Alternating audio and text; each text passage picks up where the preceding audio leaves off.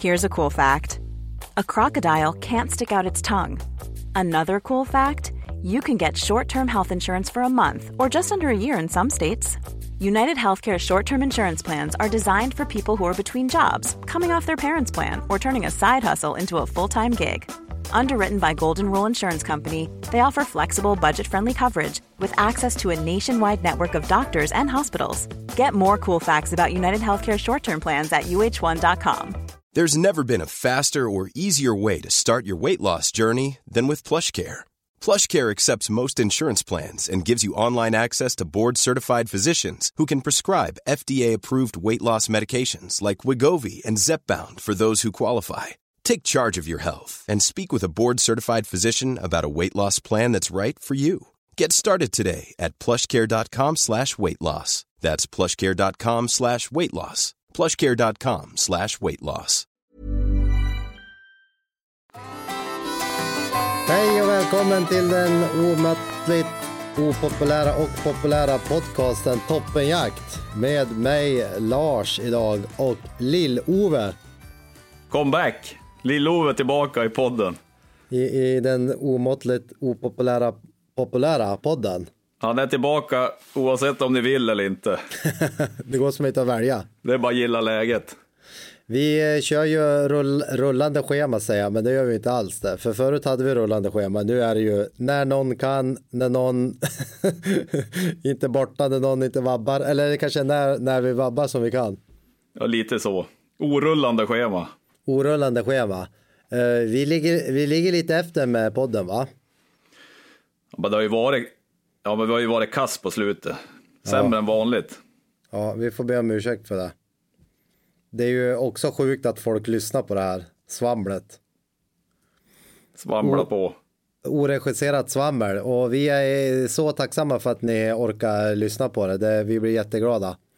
Och få, säger vi någonting vettigt någon gång så vore det också kul.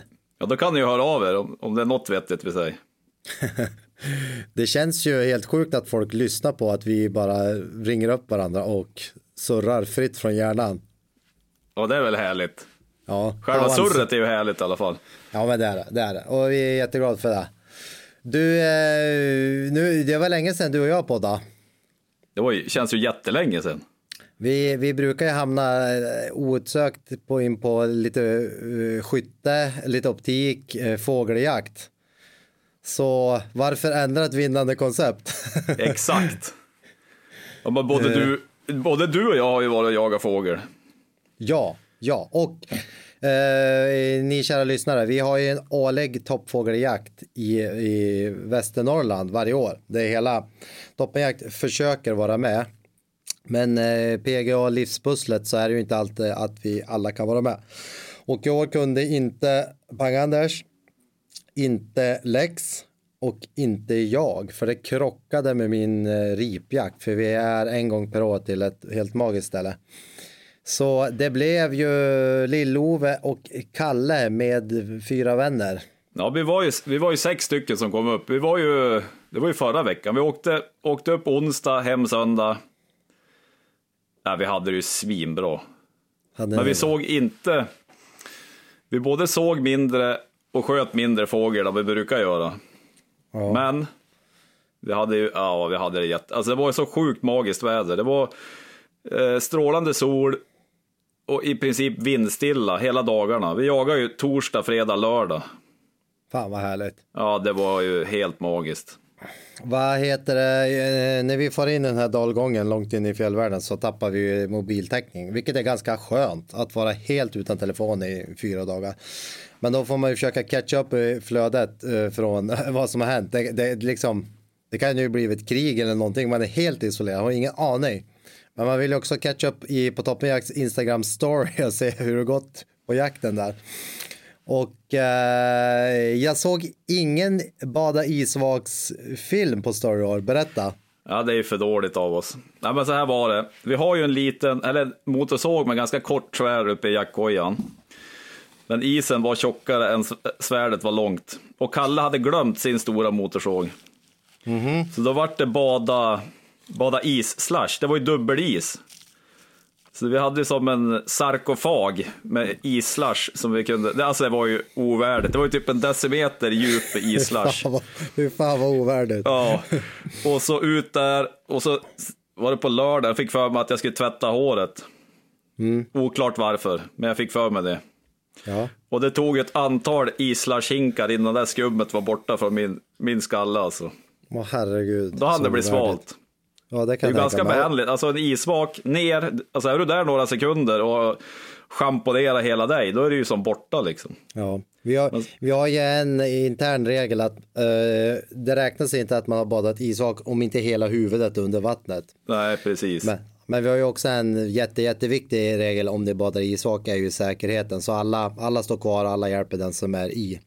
Ingen går ut själv och badar isvak. Ingen går ut själv och man ser till att alla kommer upp och om någon liksom eh, inte kommer upp så, så tar man upp kompisen. Så alla står vi där helnäck och tittar på.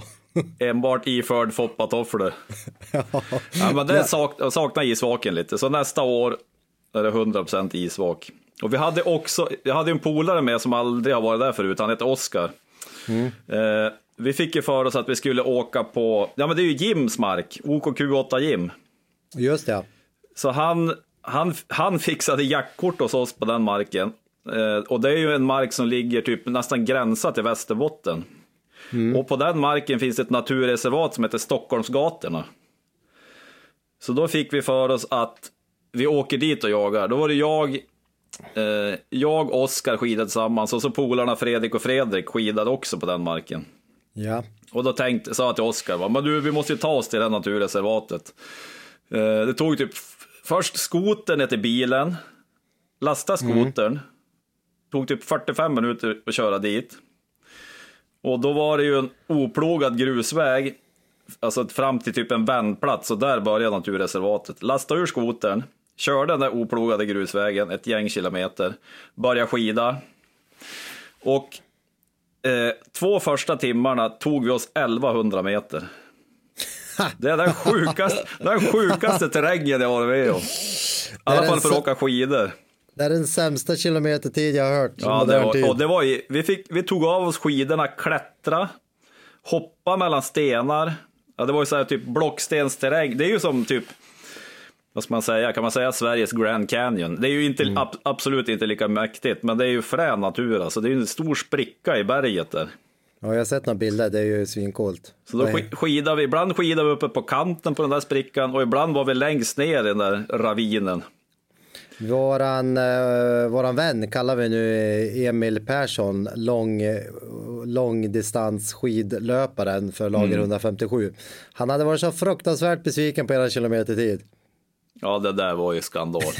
Men i alla fall, klockan tre, då insåg vi att vi har inte ätit någonting på hela dagen.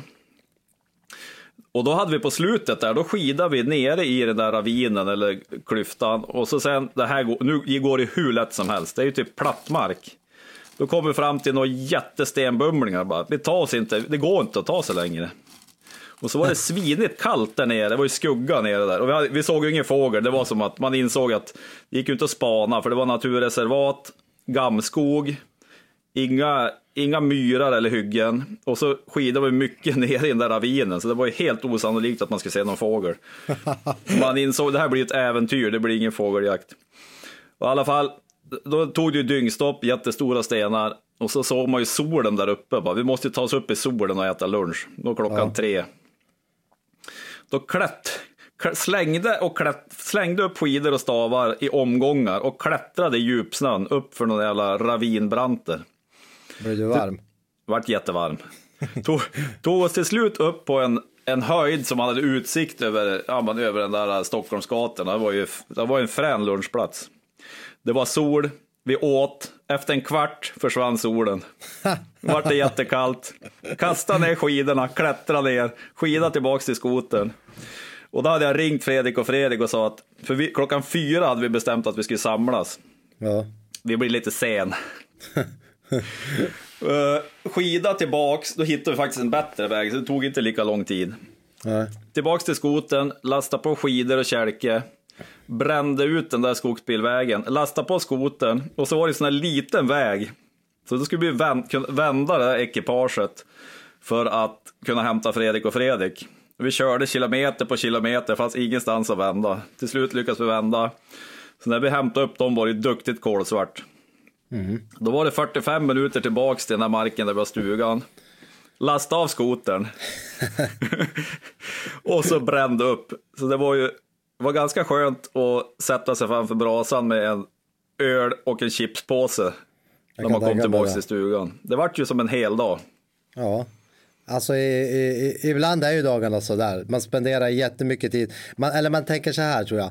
Man tänker att man ska göra någonting smart. Dels är det ju allt, vi, marken vi jagar på har vi ju sett, den kan vi ju jättebra. Jo. Och då, då är det alltid kul att se någonting nytt. Och så har man lite förhoppningar. Ja men nytt och spännande, kanske jättemycket fågel där. Och så kommer man hem och summerar bara. "Ah, Alltså vilken jävla skitdag jaktmässigt. Jo, det, alltså jaktmässigt, alltså, ja, men det var ju som att vi gav upp. Nu, nu, nu ska vi bara ta oss till den här, ja, men det, vad hette den då? Grytan kan den heta. Alltså det var som en, det är säkert vatten, vi såg ju inte vattnet, det var ju bara snö och is. Ja. Men vi hade bestämt oss att vi skulle ta oss till Grytan.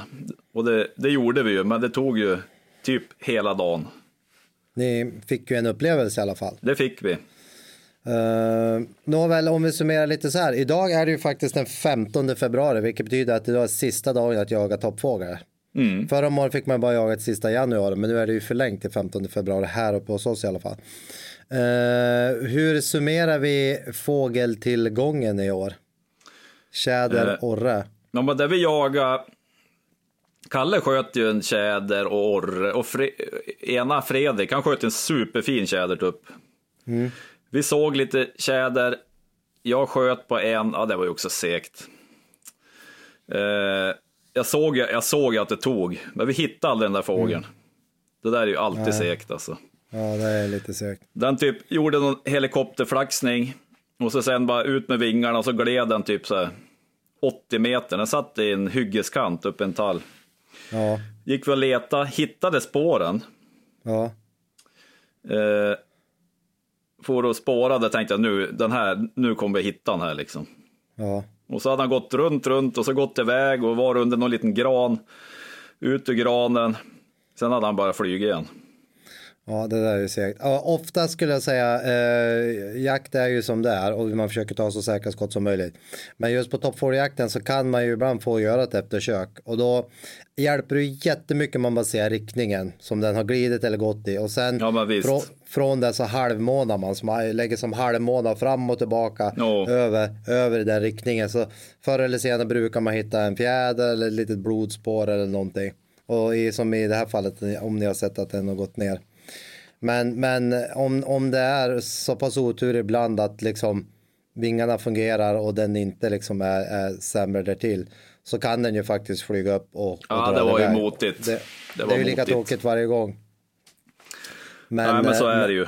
men- Sen såg vi någon, vi såg hyfsat med tjäder. Jag såg inte en orre på tre jaktdagar och det är ju helt sjukt där uppe. Det är Man kan ju se hundra stycken. Alltså. Ja, ja.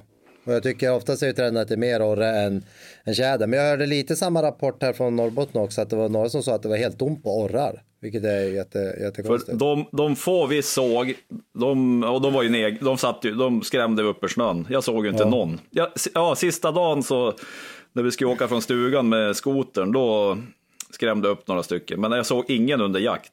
Nej. Vi, eh, vi jagar ju där eh, i början på mitten november va? Där hade det Ja. kommit mer, mer snö än planerat. Då var ju fågeltillgången helt okej. Vi hade lite segt. Jag trodde det skulle vara bättre.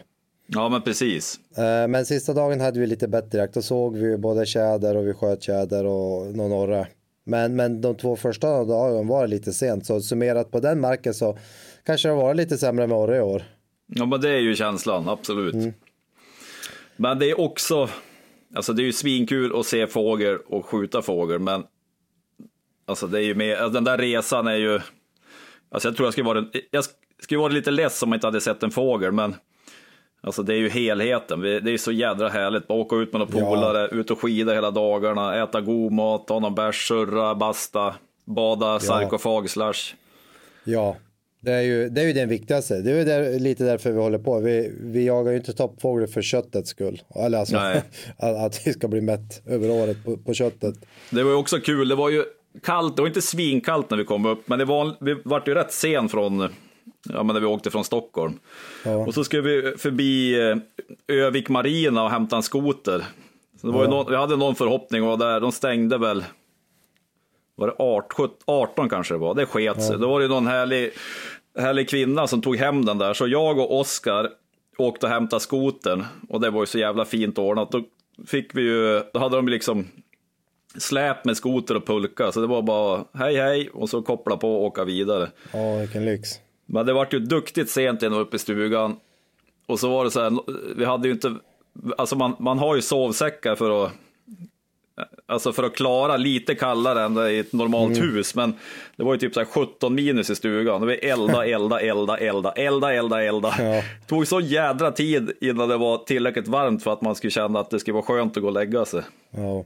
Jag tror Det- klockan det- var typ två innan vi gick och la oss första kvällen. Ja, för det, kan ju, det blir ju relativt varmt i stugan, men det är ju så att väggarna, sängen, madrassen, allt är ju minus 17. Ja, och, det så blir det ju varmt, tid. varmt i det allrummet. Ja. Om det, så, men alltså när det var typ 15 grader där, då var det ju minus en inne i vårat sovrum. Alltså det blir ju det är bara strålningsvärme från den här kamin. Ja. Så vi Ja, fick det är kämpa ju- på. Det är också, men det är ju också lite tjusningen. Det är ju det. Ja, det är ju den där när man sitter där in på små timmar, det är ju supermysigt. Jo, ja visst fasen är det det. Nej, sammanfattningsvis, sjukt härligt men inte jättemycket fågel. Nej, nej bra, bra summerat. Och eh, du och jag har jagat med long range bössorna i, på toppfågeljakten. Och Jag, jag kan ju bara summera nu när säsongen är slut. Vi skjuter på banan med den. Jag tycker att den fungerar jättebra. Superkul. Jag har ju tagit, jag har ju det på film. Jag har ju, när du och jag var där i november, där vi har ju lite opublicerade jättefina skottsekvenser faktiskt. Ja men just det. Och mitt, eh, mitt finaste skott eh, var ju en eh, jättefin orrtupp på 264. Det får du vara nöjd med. Eh, Ja, Bra jobbat. ja Bra jobbat. så, så bra är jag inte. Jag är inte så bra. Men, men eh, vid den situationen, vi kunde inte komma någon närmare. Nej, Och, ja, och där är jätte, och vi, vi hade jättegott om tid, de, de sket ju att vi var där. Så kunde jag bygga ett riktigt, riktigt bra stöd. Liksom, både fram till och bak så att jag låg otroligt bra. Så då kändes det bra. Så Ja, det var kul. En, en fullträff. Men ja. summa sum, summarum så tycker jag att systemen har fungerat jättebra. de skjuter ju superfint. Jag var ju på, sköt ju något skott på bana innan toppfågeljakten. Alltså den höll ju ihop det på 100 meter. Det var ju typ ett hål på tre skott. Ja. Det var helt, ja den sköt sjukt bra alltså. La, laser bra. Det gillar man ju. Det gillar man ju. Ibland får Jaha. man till det. Men eh, jag, jag kan väl relatera lite till den där känslan som du sa om att man måste elda igång stugan innan det blir varmt. För att jag var ju samma helg och jagade ripa. Och eh, vi, vi är en gång per år i, eh, i em, ja, Kvikkjokksfjällen. Ja, Och då hyr vi en, eh, en uh, renvaktarstuga, eller en kompis till mig, han är halvt uppvuxen där. Eh, han har varit där sedan barnsben, hans föräldrar har varit med samerna och sånt där. Så vi, får hy hyra den stugan och den ligger mitt ute ingenstans. Eh, och mm, vi åkte onsdag kväll och, då las, och vi kom iväg hyfsat tid. Men vi, innan vi är framme i stugan så är det klockan 12 på natten. ja. För när vi kommer fram till parkeringen så måste vi lasta om och lasta på och sen är det kanske, ja men det är en dryg timmes körning med skoter. Och det var ju Det var bara minus mörkerkörning. mörkerkörning, ja. Men det var ju bara minus 32 när vi stack iväg Bara, på natten. hade du någon ruta på skotern du kunde gömma dig bakom? i-? Nej, jag har ju ingen ruta på skoter. Eh, vi, vi har ju vi har fått hjälp av eh, våra fina kompisar på Lindroths motor här i Luleå. Så eh, vi har ju en, en 49 Ranger Pro för er som har missat det. Den går ju som en dröm. Det där är ju, ja de där är fin alltså. Alltså de är ordentligt bra och jag, och jag märkte nu när och körde så här. Eh, det, det är ju när vi kör obana, att köra på led spelar ju inte någon större roll. Men det, det är, vi drar ju alltid tung packning och ibland är det någon klättring och ibland är det liksom slash och hela den biten. Men man kan dra i lite pulver för all skoterkörning är ju liksom att gas, gasa mer är ju lösningen, det är ju inte att gasa mindre. Ja exakt. Så den gillar gick, man ju. jätte, den gick jättebra. Den startade hela helgen. Vi hade ju, vi hade ju kring 30 grader kallt varje dag nästan. Så att, men det var inga problem att den startade. Är det, både, är det både drag och elstart på den eller? Ja, ja. Och det var det på min gamla Summet 600, där är det bara el, så är batteriet rökt så får du inte igång den. Ja, Det är ganska skönt att ha bägge faktiskt. ja jag, jag gillar det. Alltså, för att om man, är, om man kör liksom här, här, i, här nere i, i civilt samhälle tänkte jag säga, då spelar det ju mindre roll. Men, Nej. men där, där vi oftast är med liksom, om inte skoten startar, då, ja, men då blir det då blir det en utmaning. Ja, men det är ju samma när vi på toppfågeljakten. Det skulle ju, alltså det är ju inte lika, lika remote som du var, men det är ändå, det blir lite stök då alltså. Ja, ja det, man, det löser sig alltid, men det blir ju ett extra meckande. Det kan ju Ja. ta en, ett halvt dygn till ett dygn extra. Skida sig ner eller boxera eller liksom. Eh, och vi är ju alltid liksom två skotrar om det är remote. Så, så vi var ju jag och min barndomskompis, vi som alltid fiskar och jagar någon sväng per år. Och så två kompisar härifrån. Och de, eh, både, både Kalle och Magnus eh, jagar också ripa. De har licens och de hade vapen med sig. Men de, de gillar lika mycket att gå på toppturer. Och nu när vi hade så bra väder så var ju de och klättra på några extremt höga toppar. Ja. Och fick några riktigt härliga åk.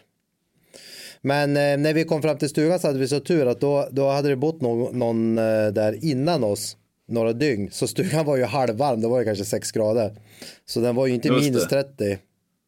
Det tackar man Så för. vi, ja, det är, en förvärmd stuga mitt på Kalfjället, det, det är ju aldrig dumt. Men så hade vi ju helt sinnessjukt väder. För, för, förra veckan blåste det ju 52 sekundmeter där i dalgången. Och det märktes ju på, på snönivån. Då är det ingen Men lek det- alltså. Det var ingen lek. Då hade vi fan vindstilla. Jag skulle definiera som vindstilla i tre dagar och strålande solsken två. Vi hade lite mulet på förmiddagen en dag. Så helt galet bra väder. Det var ju kring, ja, första dagen var 28, andra dagen var det kanske 20 när vi stack ut. Eh, och andra dagen var det också kring 28. Vi, och sen kom vi ner på slutet och det är jäkla kall hår. Det skiljer så mycket temperatur vilken höjd du är liksom vart i dalgången det är och, och, eller om du får solen på det. Men där var det ju, där var det ju kallt deluxe. Det var säkert 35 där. Det där är ju häftigt, hur man, hur man verkligen känner att temperaturen alltså, sjunker eller höjs. Vi hade ju samma när vi höll på i Stockholmsgatorna. Vi var uppe Ja. där på, alltså uppe och så sen gick man ner i den där ravinen. Det var ju svinkallt, alltså man kände ju att det var kallare där. Ja. Eh, och jakten då, det, jag har jagat många år i den där dalgången. Eh, och det är liksom, ja. ib- Ibland är det svårt att definiera om det är bra eller dåligt för de har ju vingar. Som ena dagen när vi jagade då hittade vi bara lite ströripa här och där. Men, men sista dagen så hade vi jättemycket ripa. Eh, flera olika flockar som vi stötte hit och dit. Men vi hade ju inte, vi hade sett typ noll ripor om vi inte hade spårat och hittat dem. Klättrat upp på högsta branten. Alltså verkligen så, så att du tänker, fan här, här, är det dumt att hålla på och klättra och vara. Och där satt de, så tryckte vi ut dem, då fick vi igång ripa. Ja. Men om man, inte, om man inte hade tagit den klättringen, vilket tar en timme säkert att ens ta sig upp dit. Då eh, hade vi inte fått igång alla dem, för där satt ju alla och gömde, och gömde sig och hade det bra. Hur långt flyger de ungefär när ni stöter dem då? Ja, eh, jag tycker inte att de har flugit så långt. Ibland kan de ju dra till nästa dalgång. Men nu har de bara flyttat sig lite. Men lite, den här kanske tiden på året. Nu vill de jätte, jättegärna sitta i den risigaste björkskogen som fanns där. Ja. Så de var väldigt eh, lite ute och sprang. Det var lite glesare. Jag har haft magiskt bra jakter ibland, liksom korta perioder när de går ut är lite mer öppet. Men vi hade så, sista dagen hade vi ett, eh, en lucka där de var jättetrygg. Du vet, och skjuter de bom så sitter de kvar. Ja, det är så Och pass så, de, och så är de är ute lite mer där öppet och springer mellan och sånt där. Så, men summa summarum så var det vi liksom alla dagar jagar vi efter ripa hela tiden. Sen får man något tillfälle här eller där och liksom ja. Men Eh, svårt, så- jag kan tänka mig att det är stökigt om de, ja men det är väl som i skogsfågeljakten, sitter de inne i skogen, då, då är det ju svårt att komma åt dem. Det är väl samma Ja. med ripa på fjället, är de där det är som risigast, då är det väl inte plättlätt att se dem och få skottläge liksom. Nej, nej, så är det. Och så är det liksom brant och, och så springer de undan och så de som jag brukar säga, det är så dumt att de är vit och har vingar. Nu var det signalfärgad, utan vingar. Ja, vi, vi sa det, tänk om de varit, varit så orangea som en bandyboll. Bara, ja, där är den, där är den. Skulle, vi- då skulle vi se alla. Det ska inte vara lätt alltså. Det ska inte vara lätt. Eh, vi äter ju alltid eh, varm mat när vi är ute. Det, det känner ju alla till vid det här laget som följer oss. Men eh, min kompis hade, hade jag vet inte om han hade fått dem eller köpt dem, Lars Månsson turmat. Oftast Jaha. har vi sn- snackbot eller nudlar eller real turmat eller alla dess märken som finns och alla är helt okej. Ja, det var så jävla äcklig. Alltså det det är sant? väl, väldigt lite mat som jag inte tycker är gott. Och nej, Lars. Lars Monsen. Ja, Det är ju den norrmannen. Det är han som... Det är inte han som har haft de har visat på SVT va? ja, ja jag tycker Ja. jättemycket bra om han. Jag tycker mindre bra om hans eh, turmat. Så det Åh, kan, nej. kan inte rekommendera. Men du, får jag dra en rekommendation på turmat då? Ja, berätta. Eh, det var hette, jag, jag kör ju, jag kör ju mattermos. Och så har jag ju såna här våtkonserver i. Alltså färdiglagad mat i påse. Just det. Och så sen häller jag på kokande vatten i mattermosen. De där köper jag ju på Prepbox. Alltså, Ja. eh, det, är ju, det är ju kanske lite stora mängder för många, men det är prisvärt och gott. Då får vi besök här. Lill-Spjuver, ska du gå ner Jag har och... tagit två, pappa jag har tagit två tuggummi. Åh nej, nu får du inte ta någon fler. När är du klar? Om eh, 25 minuter. Är det mycket? Nej, det är ingenting. This Mother's Day, celebrate the extraordinary women in your life with a heartfelt gift from Blue Nile. Whether it's for your mom, a mother figure, or yourself as a mom, find that perfect piece to express your love and appreciation. Explore Blue Nile's exquisite pearls and mesmerizing gemstones that she's sure to love. Enjoy fast shipping options like guaranteed free shipping and returns. Make this Mother's Day unforgettable with a piece from Blue Nile. Right now, get up to 50% off at BlueNile.com. That's BlueNile.com. Hey there, it's Michelle Norris. I'm host of a podcast called Your Mama's Kitchen. When I travel, I'm usually looking for a way to find a taste of home when I'm not at home. And one of the things I love to do when I am at home is entertain. And Airbnb allows me to do that. When I was in California recently, I rented a house that had a great kitchen. And when we were sitting around the table, we we're all thinking, we're in someone else's house. Someone could be in all of our homes as well. If you have a home, but you're not always at home, you have an Airbnb. Your home might be worth more than you think. Find out how much at airbnb.com/slash host. Men eh, varmmat då, det, det, är ju, det är ju så underbart när man är ute. Eh, oavsett, oavsett vilken mat det är, så länge det inte är Lars Månssons turmat så är liksom den stunden där och vi, vi stannade i solen och käkade och det var, oh, då värmde ju solen också. Den lilla härliga pratstunden och njuta av lite varm mat, det är liksom, mm, Ja, man, man, alltså, man behöver, jag tycker också man behöver det. Typ en macka och kallvatten, alltså när man stannar. Alltså, Ah. Det är inget roligt alltså, när det är 20 minus. Nej, nej det är det inte. Och sen måste jag säga, jaga när det är så här kallt. Jag ska inte säga att jag är van, det, eller det är ju alltid kallt där uppe. Men för mig är själva kylan i sig inte ett problem. Det, för att man, om man klär sig ordentligt, bra lager på lager, har liksom bra utekläder efter väder. Så, så fry, jag fryser ju aldrig och åker runt och frys, fryser. Nej. Och min grundregel är, är kroppen just på gränsen till för varm så är det ju då får du så varmt blod ut i fingrarna så det är inte heller ett problem. Och jag har inga Nej, men problem med att precis. frysa, frysa en finger eller tå. Det enda är ju ibland ansiktet, du blir så stel i hela ansiktet. Och då hjälper det att ha luvan på för det blir ju som en lite sån här dumstrut. Ja men visst. Och, och det är ju där man känner att det kan vara lite kallt hitan och ditan. Men liksom att jaga så här när det är kallt, det, det spelar mindre roll. Däremot 17 HMR som vi jagar med, det krutet gillar ju inte jättemycket minus 30. Ja det var så. men man ska ha någonting att skylla på också, eller hur? Alla Ja, men det där är ju kul. Alla, alltså, oavsett kaliber och egentligen oavsett krut. Vissa krutsorter funkar ju bättre i minusgrader än andra. Men alla, alltså om man skjuter in en bössa när det är plus 10, sen åker du ut och, och ska jaga med den när det är minus 30, då kommer du få lägre utgångshastighet och du kommer få en träffbildsförändring. För att krutet brinner ju långsammare. Du får inte samma fart på kulan liksom. Ja men så är det. Så är det. Och sen är det ju när det är så kallt om man jagar, eh, grundregeln är att inte försöka få någon slags imma, varken på handkikan. Handkikan använder man ju 98% av tiden. Eller på, på, eh, på kikarsiktet, för då är det ju kört. Då är det Ja, det är jättesvårt att få dåligt alltså. Det är dåligt när det är 28 grader kallt. Men det, det klarar vi oss relativt bra ifrån. Men du- eh, helt, helt fantastiskt att jaga den här tiden på året tycker jag. Även om det är för många lite för tidigt. Många jagar ju i ripa kanske mer mot eh, i, i mars. Det är bättre väder, det är längre dagar, hela den biten. Men, men för mig spelar det ingen roll. Du har så långa jaktdagar ändå så det blir jättetrött. Så jädra härligt. Hör du, jag gjorde ju en sån här äh, latemans tabben med optiken. Ber, berätta. Jag har ju den i sån här, ja men sele på bröstet, handkikaren. Och så hade vi varit och bröta runt i någon plantering. Vi skulle gå igenom mellan några hyggen. Så hade ju rasat ner, även att man har locket på, rasat ner lite snö. Och så hade jag ju inte, tog in den där i kojan. Sen hade jag inte tagit fram kikaren. Det vart ju varmt och den där snön som låg ner med kikaren, den smälte ju naturligtvis. Det vart ju duktig kondens nej. inne i det där kikarfodralet. Så när jag ska ut dagen efter, när man kom ut ur stugan, det hade varit väl typ så här 15-20 minus. Då har man ju som ett hygge, alltså brukar kunna sitta orrar som man ser när man kliver ut i stugan. Ja. Så jag gick ut, ställde mig på den där vändplatsen, det var ju snö överallt, men det är en vändplats där. Tog upp kikaren, duktigt med fukt på linserna.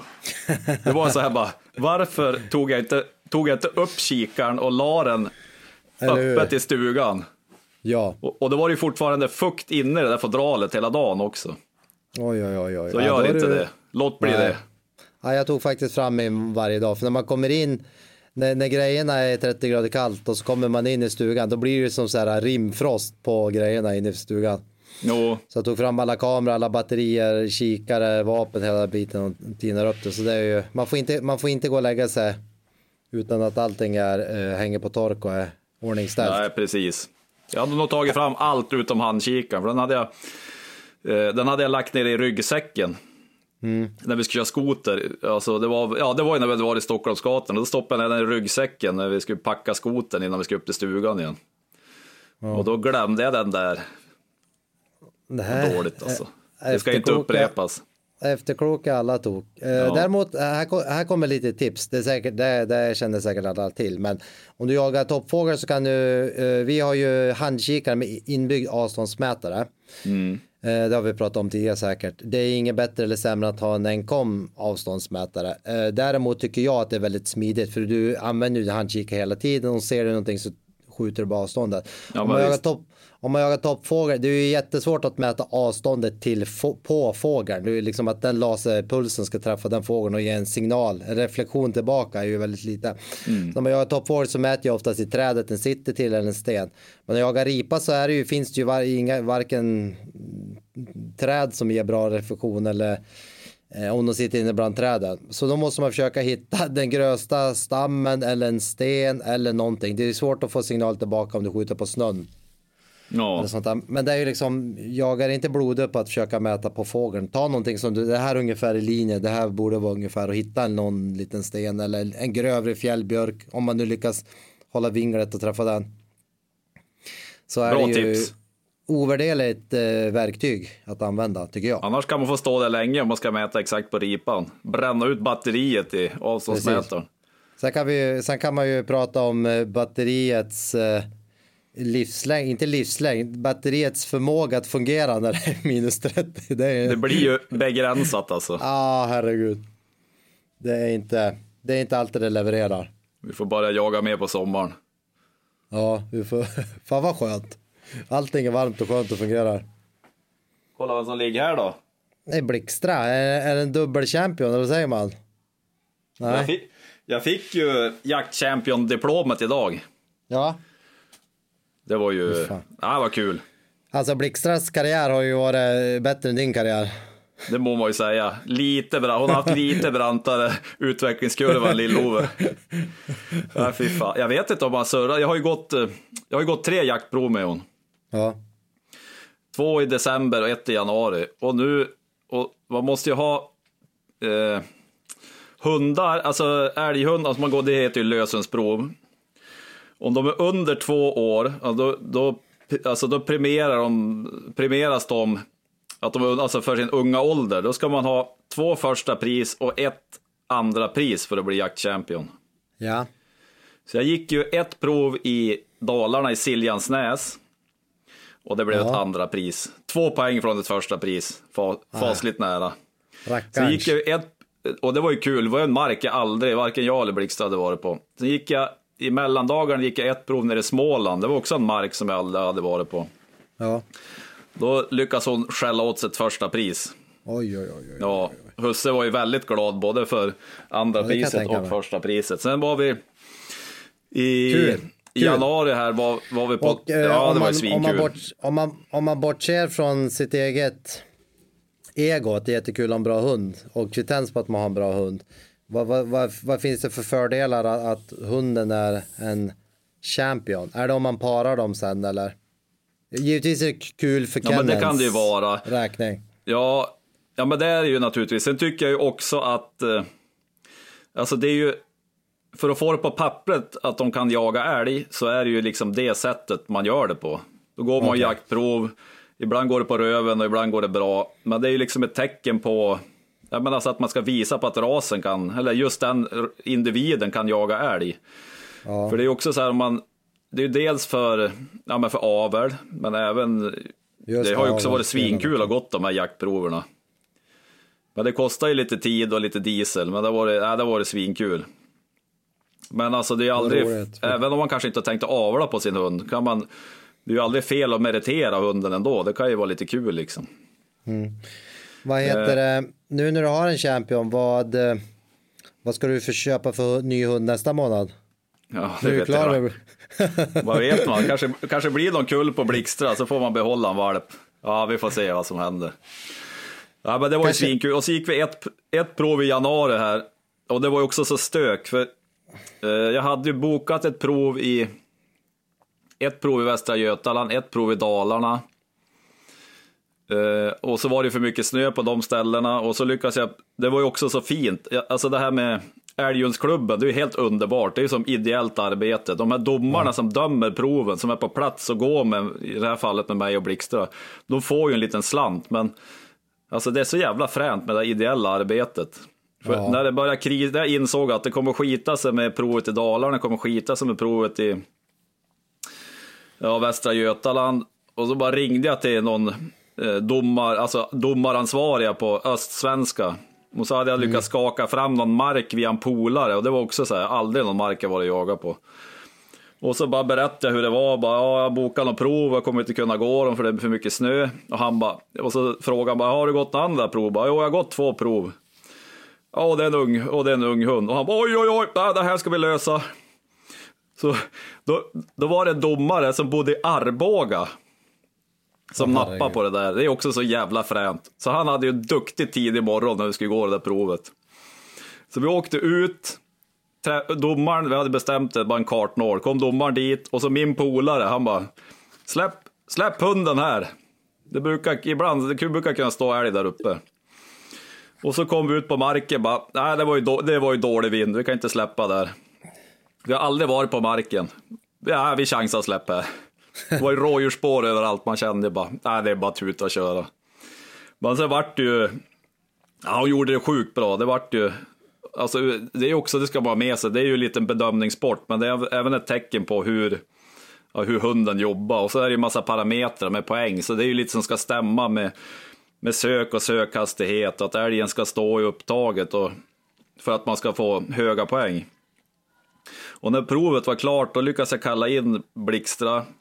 Och då kände jag, fan, det här måste ju vara ett högt prov. Det var, det var liksom mycket som hade stämt. Hon hade ju jobbat svinbra och så vissa sådana saker som man inte riktigt rår över med att man ska få en sökrunda för att liksom bedöma söket. Det hade hon fått och så hittade hon älg på andra sökrundan. Och så fick jag, sen, sen skriver ju domaren ihop det där och räknar på poäng och så använder de, i det här fallet använder de ju tracker, alltså appen för att se hur, Ja. hur fort hunden har sprungit, hur långt den har sprungit, hur mycket de har skällt och så sen är det är liksom ett hjälpmedel för att bedöma, men även att han har varit på plats och Ja. Ja, men sett hunden och hört hunden när den skäller och allt sånt där. Och så fick jag kollegiet. Då går de ju igenom där som ett kollegie. Då är ju de domarna som har dömt prov och så är det väl typ någon som är ansvarig över det. Då sitter de ju och diskuterar proven. Det är väl för att det liksom ska bli att man ska vara överens. Även de som inte varit på plats har någonting att säga om det liksom. Just det. Kan man ju fråga, varför, varför bedömde du så här liksom? Då får väl Mm. den som har dömt provet berätta hur han tänkte eller hon. Just det. Och så gick, skick, fick, skickade de ut det där på mail och så bara 98 poäng. Åh herregud. Max Eh, är eh, 100. Max är 100. Alltså det var ju helt sjukt. Och nu på Hitta det här är ju så jävla sjukt. På Hitta älghund, då kan man söka prov sedan 2014. Ja. Och sen 2014 har Blixtra det högsta poängen av alla prov som har gåtts i Sverige. Lösensprov på älg. Varning för skryt. Bra skryt. Jajamän. Nej, alltså det var ju också helt sjukt. Men det var ju, ja, hon gjorde det svinbra och mycket stämde. Älgen var snäll. Husse smög. Okej i alla fall. Lyckas vara lite kom- tyst i skogen. Nej, det var ju helt bara- sjukt alltså. Jag kommer bara passa runt när du släpper Blixtstrand nästa höst. Ja, du, då får du gå med mig, det blir bara ståndskall. Okej, Det blir inga skenälgare. Nej, perfekt. Perfekt. Jag går in med dig. Så är ni sugen på en valp så skriv en kommentar i, när vi slänger ut podden alltså. Ja, herregud. Kanske jag ska ha en valp, en älghundsvalp. Jädrar, det är klart du ska ha. Fan, jag, har aldrig, jag har aldrig jagat så mycket älg som i år tänkte jag säga. Och ännu mer ska det bli. Och, nju, och njutit av det. Jätteroligt. Okej, men nu som vi, det har vi sagt tidigare, men vi har ju också lyxen av att vi liksom ja, kan, kan röra oss och, och, och, och eftersom vi är ganska litet, litet tajt eh, lag. Ja, men precis. Nej, men det är också, för eh, vi sköt ju, ja, men vi, det var ju som att eh, ja, Blixtra, hon fyllde ju två, ja det är bara någon månad bort. Men i september, oktober, då kändes som man hade bra driv i skogen och hitta älg, men det var lite så här, hon var liksom inte, hon var inte riktigt klar. sen, sköt ju, sen sköt ju Lex en älg i, när var vi i Lycksele, då? mitten på oktober kanske Ja, någonstans där ja. typ. Hon Som hon hade fått skällt på ett tag. Och efter det var det som att poletten ramlade ner. Så nästa gång jag släppte hon, Ja. då skällde hon ju Det har vi ståndskall typ en hel Har dag. vi- Det har vi till och med på film, på YouTube. Exakt. Så då var det som att poletten ramlade ner. Och sen dess har det gått som tåget. Det är helt, helt sjukt alltså. Kul, fan vad roligt. Ja, det är skoj. Apropå, apropå film, jag filmade ju lite nu när jag var iväg. Jag kanske gör en film och lägger ut på YouTube. Eh, det är ju ganska stökigt både för kameran och för kameramannen att filma när det är 38, t- inte 38, 28 grader kallt. Kameran får kämpa. Ja, den får kämpa. Det går väldigt trögt. Det är ju ganska mycket ele elektronik i det. Så att, eh, men det, det, det, höll, det höll ihop bra. Kanske var jag som höll ihop sämre. Vad, vad hade du med dig för att ladda batterierna? Ah, har ingen har el i stor- stugan?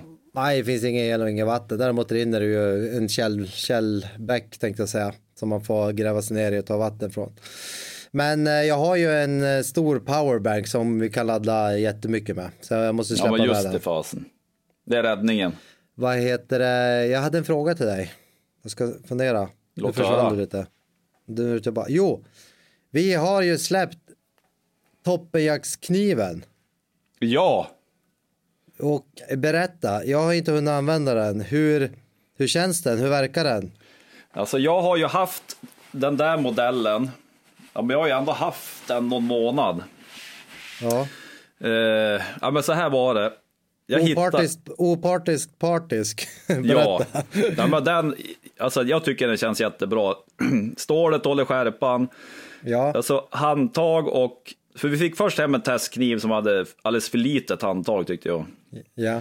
Och lite för, inte tillräckligt, vad ska man säga, högt blad. Enligt min Nej. smak i alla fall. Och så sen fixade de till det där, fick vi hem ett nytt test och så kände jag, ja men det här, det här kommer nog bli bra. Det här går att skära, jag- grillkor, Ja. grillkorv med. Sen har jag hållit på att joxa lite med den där kniven och den, alltså än så länge, den har ju funkat hur bra som helst. ja. Så det är ju kul. Jag, jag hittade ju ett företag i Ukraina som gör knivar. Eh, ja, de gör dem hand, eh, handtillverkade alltså. De slipar blad och joxar på. Det är sån här fulltange med trähandtag. Eh, och så sen har, har jag hållit på att mejla och joxa och till slut fick jag hem den här kniven och så sen var det lite jox med att få på någon den här toppenjaktstämpel på slidan, hur vi vill ha slidan. Det, tog, det var ju ändå lite jox Ja, innan vi ja. hade dem hemma. Men jag, jag gillar den och hoppas de som har köpt den gillar den också. ja, den ser jättefin ut. Jag har ju hållit den i handen, det har jag. Och jag måste säga att den ser kanon ut. Och eh, vi, vi, vi har ju alltid begränsade upplagor av allting. Kan vi ha sålt 70% av alla knivar? Ja, typ. Så det är ju jättekul att ni, att ni köper support. Jag och polaren var på Postnord igår. och det postade ett hyfsat gäng med knivar alltså. Fan, du har tejpat in, du har tejpat in ganska många leveranser. Jajamän. Och så sen, det, det roliga var ju eh, Jim som har OKQ8 i Åsele. Och som har Hedlund, Jämthunds Hedlund. Och så har ju fler hundar också, men det är kanske Hedlund som är mest känd i våran i poddsammanhang. Han, han var ju uppe och hälsade på en kväll i stugan i Brink, vi käkade middag. Så han åkte från Åsele med släp, körde skoter upp, satt och surrade i tre timmar, sen åkte han hem igen. Då fick han ju med sig tio, tio toppenjakts Ukraina-knivar, sålde allihop på en gång.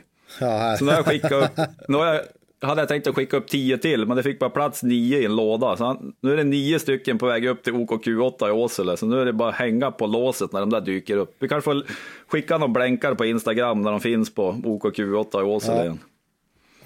Vi får göra först till kvarn, till Ås, först till Åsele. Mm.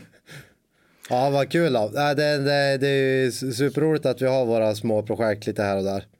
Vi Och det är ju på- också, ja men precis, om, om ni har köpt en sån här kniv och ni tycker att det finns någon utvecklingspotential så är det bara skriv ett DM på Instagram eller skicka ett mejl eller något. Det är bara kul.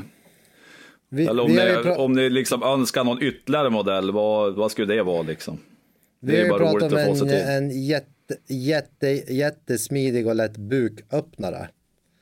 Alltså, typ som en tunn, tunn, tunn fällkniv fast det, du kan vika ut den och det enda det är på den är en buköppnare. För ibland vill man ju inte ha med sig en stor, ja, du vet ju det här, man kan ha knivar med sig, buköppnare och hela den biten. Ibland vill man resa lätt. Och man skulle kunna ha en sån alltid på sig. Ja, men en buköppnare kommer man ju långt med alltså. Man kommer ju väldigt långt med det. Och att, Mm. och att det är typ som en så här, jag, jag, min favoritkniv är ju, eller fällkniv är ju den här lilla Benchmade som jag har. Men en sån variant och så viker ut och så är det bara en buköppnare. Då kan man ha ett gäng i olika jackor, ryggsäcken och lite här och där. Intressant. Ja, den kan vi suga på. Mm. Ja, men det är Du- lite kul. Det är lite, faktiskt lite roligt med att Toppenjakt har gjort en kniv. Ja men verkligen. Det är Och jättekul, jättekul att ni har ha- handlat kniven. Det är ju fantastiskt. Ja, har ni missat det och är sugen, då är det nog bara att och vill ha en. Då är det nog bara att beställa, för det är inte några mängder kvar alltså. Nej, det tog ju bara sju månader att få, få till den, få hit den. Exakt. Så det, det är vad det är. Du, eh, vad kul att podda. Nu har vi fått prata lite toppfågeljakt. Eh, säsongen slutar idag. Lite ripjakt, lite försäsongsripjakt. Lite championat. Om Oj, oj, oj. Jaktchampinjon. Och vi har fått prata jaktkniv. Är det så mycket mer man behöver prata om i jaktpodcast? Ja, det vet det fasen alltså. Nej. Men vet du, vet du vad jag... Eh, jag tycker att nu är ju hundsläpparsäsongen för Blixtra ju över. Eh, toppfågeljakten är över. Jag tycker att det är ganska skönt att det lugnar ner sig lite. Alltså, Ja. missförstå mig rätt. Jag har ju Jag varit förstår. ute, jag har, jag har inte jagat så mycket med Blixtra, mer varit ute bara för att jag träna fattar. honom och liksom få honom att ja, men jobba på i skogen och skälla älg. Men nu, jag tycker inte det gör någonting att det har passerat sista januari. Då får du slicka såren och köra lite vabb och vaff. Vård av familj och vård av barn. Exakt, det är lite känslan. Eh, Det ska ganska ja. skönt att det lugnat ner sig. Nu får man hänga, hänga lite mer hemma, det känns skönt alltså. Det är skönt, skönt. Jag har lite ripjakt kvar. Jag ska Mm. försöka hinna med några turer till. Eh, Jag har ju husvagnen uppe i fjällen, så jag har tre timmar dit. Så det är, det är snabbt gjort att jag kommer på det, sticka iväg. Det har jag kvar och eh, jag skulle nämna en grej. Jo, du nämnde också igår i chatten att vi borde skjuta på tusen meter, långhåll, på tusen meter Det vore kul. och plåt. Det kanske vi gör här i vår så fort solen kommer fram. Och sista grejen vi ska runda av med är att du har köpt en data idag. Ja, det, är, alltså, det är bland det sjukaste jag varit med om. Och Jag ändå mig spelar, vuxen. du- ändå spelar du in just nu på telefonen. Du fick inte igång det. Jag har inte ens plockat upp den. Vi får facetima så han kan hjälpa dig igång. Ja, det är bra. Du får Eh, göra en Macbook. unboxing vid... Vad var det för modell jag hade köpt? Jag sa, Ja, sa jag till dig? Ja, du mumlar någonting om någon M2. Jag, jag misstänker att en Apple du har köpt. En Macbook Ja. Macbook. Något åt det M2. hållet. Ja, Med stora så. skärmen. Du får göra en unboxing-video och lägga ut på Toppenjakt. Lill-Ove unboxar en Lär ju bli succé alltså. Ja, fy fan. Ja, det var hög tid. Det var hög tid. Välkommen till 2024 och IT-åldern. Ja, men en får tacka, en får tacka. Varsågod, varsågod. Du, vad kul, vad kul att ni lyssnar på podden. Vi blir lika glada som alltid. Eh, skicka ett mail till toppenjakt.gmail.com. Skicka DM på Instagram. Skriv kommentarer. Och eh, var bara härliga som ni alltid är. Och ha, om ni har något tips på bra pimpelfiske i Borgafjäll så skriv ett DM till på Toppenjakt eller på Lill-Ove för vi ska dit vecka 9, sportlovet. Undrar hur många som kommer skriva åk och fiska i hemlig Mm, Alla. Alla. Straffspark. Stra- Straffspark. Du, nu rundar vi av. Nu har vi andra åtaganden i livet. Puss och kram. Hej då. Säger vi. Hej med er! Hej, hej. Återhörande! Hej, hej. Hej då!